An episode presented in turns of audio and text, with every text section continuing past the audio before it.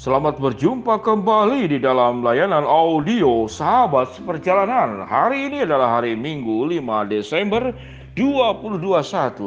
Tema renungan dan saat teduh kita dengan judul Arsitek Terhebat. Arsitek terhebat atau arsitek kehidupan. Firman Tuhan terambil dalam Lukas 6 ayat ke-47 sampai dengan ke-48. Demikian bunyi firman Tuhan. Setiap orang yang datang kepadaku dan mendengarkan perkataanku serta melakukannya, aku akan menyatakan kepadamu dengan siapa ia dapat disamakan. Ia sama dengan seorang yang mendirikan rumah. Orang itu menggali dalam-dalam dan meletakkan dasarnya di atas batu. Ketika ketika dikatakan datang air bah dan banjir melanda rumah itu, rumah itu tidak dapat digoyahkan karena rumah itu kokoh dibangun. Mari kita berdoa. Bapak yang di dalam surga, terima kasih bahwa Tuhan adalah arsitek terhebat, Tuhan adalah arsitek kehidupan kami, dan kami belajar mengikuti rancangan daripada Tuhan di atas kehidupan kami dalam menghadapi kesulitan demi kesulitan. Di dalam nama Tuhan Yesus kami berdoa. Amin. Shalom sahabat seperjalanan yang dikasih Tuhan, arsitek kehidupan, arsitek terhebat. Bagi arsitek yang pernah Anda kuliah dan lulus sebagai sarjana arsitek, tentu tema renungan ini sesuatu yang sangat menarik. Sementara saya sendiri bukan lulusan arsitek, tetapi anak saya yang kedua itu lulusan interior arsitektur. Sahabat seperjalanan, apa itu arsitek? Arsitek kait mengaitnya dengan bangunan, kalau kita berbicara tentang rumah, apa yang paling indah dalam rumah? Pasti waktu kita datang ada syukuran rumah, ada saudara, ada sahabat, ada teman, atau mungkin sahabat perjalanan sendiri punya rumah lalu melakukan syukuran. Apa yang mempesona dan apa yang indah? Saya rasa itu ukurannya, tata ruangnya, warna catnya, mungkin bunga-bunga yang ada, mungkin kolam ikannya, mungkin kalau Anda cukup uang banyak, ada kolam renangnya. Kira-kira demikian, gordengnya, sofanya, apalagi mungkin pajangan-pajangannya. Lalu orang-orang datang ke dalam rumah dan memuji rumahmu nyaman, rumahmu ini ada di dataran bukit yang katakanlah sejuk. Seperti demikian. Dan saya percaya sahabat seperjalanan ada bagian yang orang itu tidak memuji sebab dia tidak terlihat. Apa itu yang tidak dipuji dan tidak terlihat? Yaitu fondasi.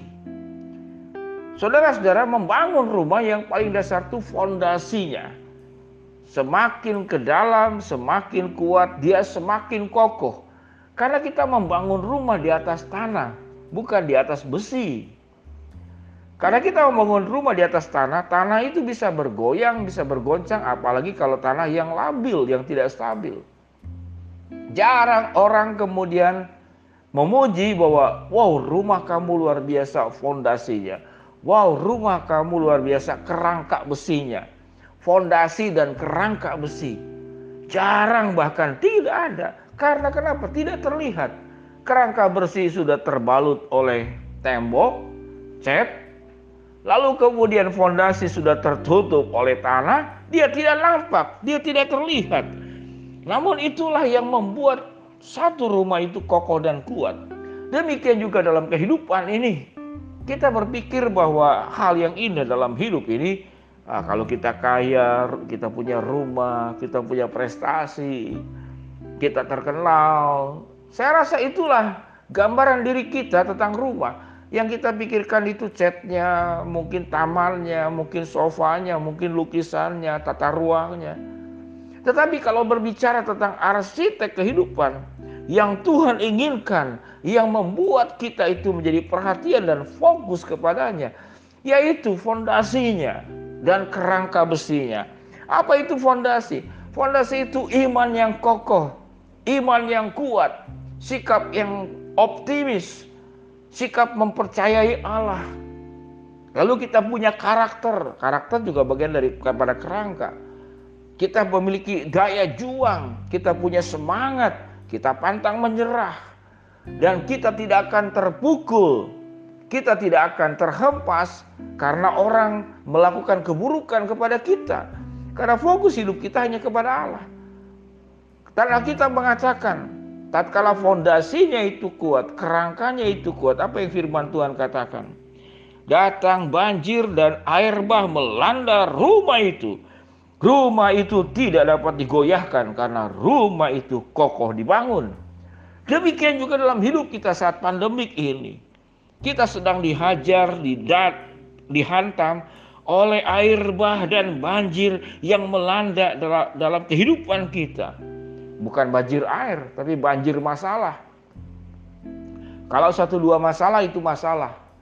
Kalau empat masalah itu mulai sering terkena masalah. Nah kalau masalah bertubi-tubi, itu Alkitab mengatakan kita seperti diserang oleh air bah dan banjir yang melanda rumah kehidupan kita yaitu diri kita sendiri. Sahabat perjalanan yang dikasih Tuhan, banyak orang kaya stres. Banyak orang berkedudukan tatkala kedudukannya terlepas. Dia mengalami ketidakseimbangan dalam hidup.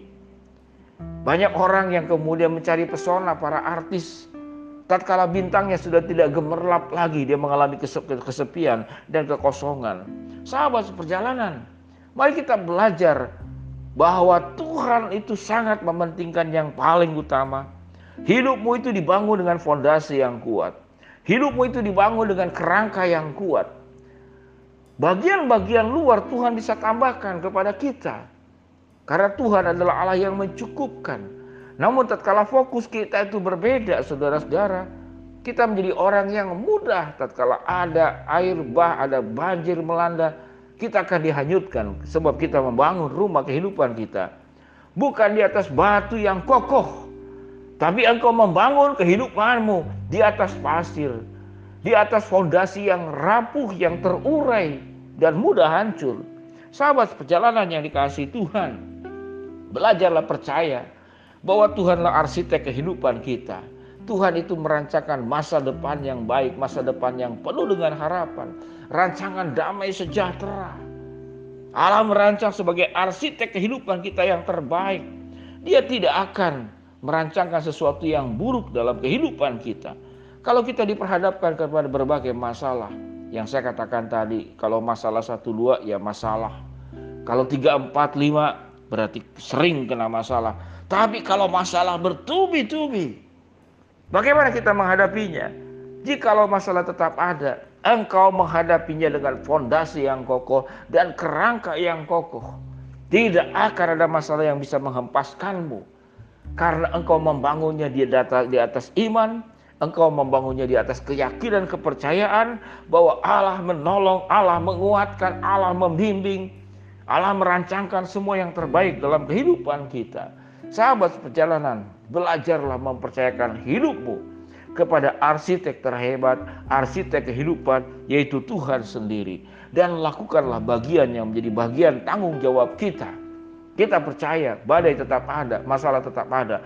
Namun kita kokoh berdiri karena kita membangunnya di dalam tanah yang dalam, fondasi yang berbatu dan tidak akan bisa digoyahkan.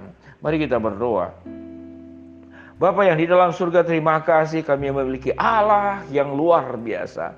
Arsitek terhebat, arsitek kehidupan yang tidak pernah merancang hal merancangkan yang buruk buat kami semua. Hamba berdoa buat yang sakit Tuhan jamah sembuhkan, yang sedang menghadapi masalah Tuhan berikan kekuatan dan membuka jalan bagi yang sedang memohon berharap sesuatu kepada Tuhan. Tuhan akan mengabulkan dengan cara waktu dan kehendakmu. Di dalam nama Tuhan Yesus kami berdoa. Amin. Shalom sahabat seperjalanan, percayakan hidupmu kepada arsitek terhebat, arsitek kehidupan, yaitu Tuhan sendiri. Tuhan memberkati kita semua. Shalom.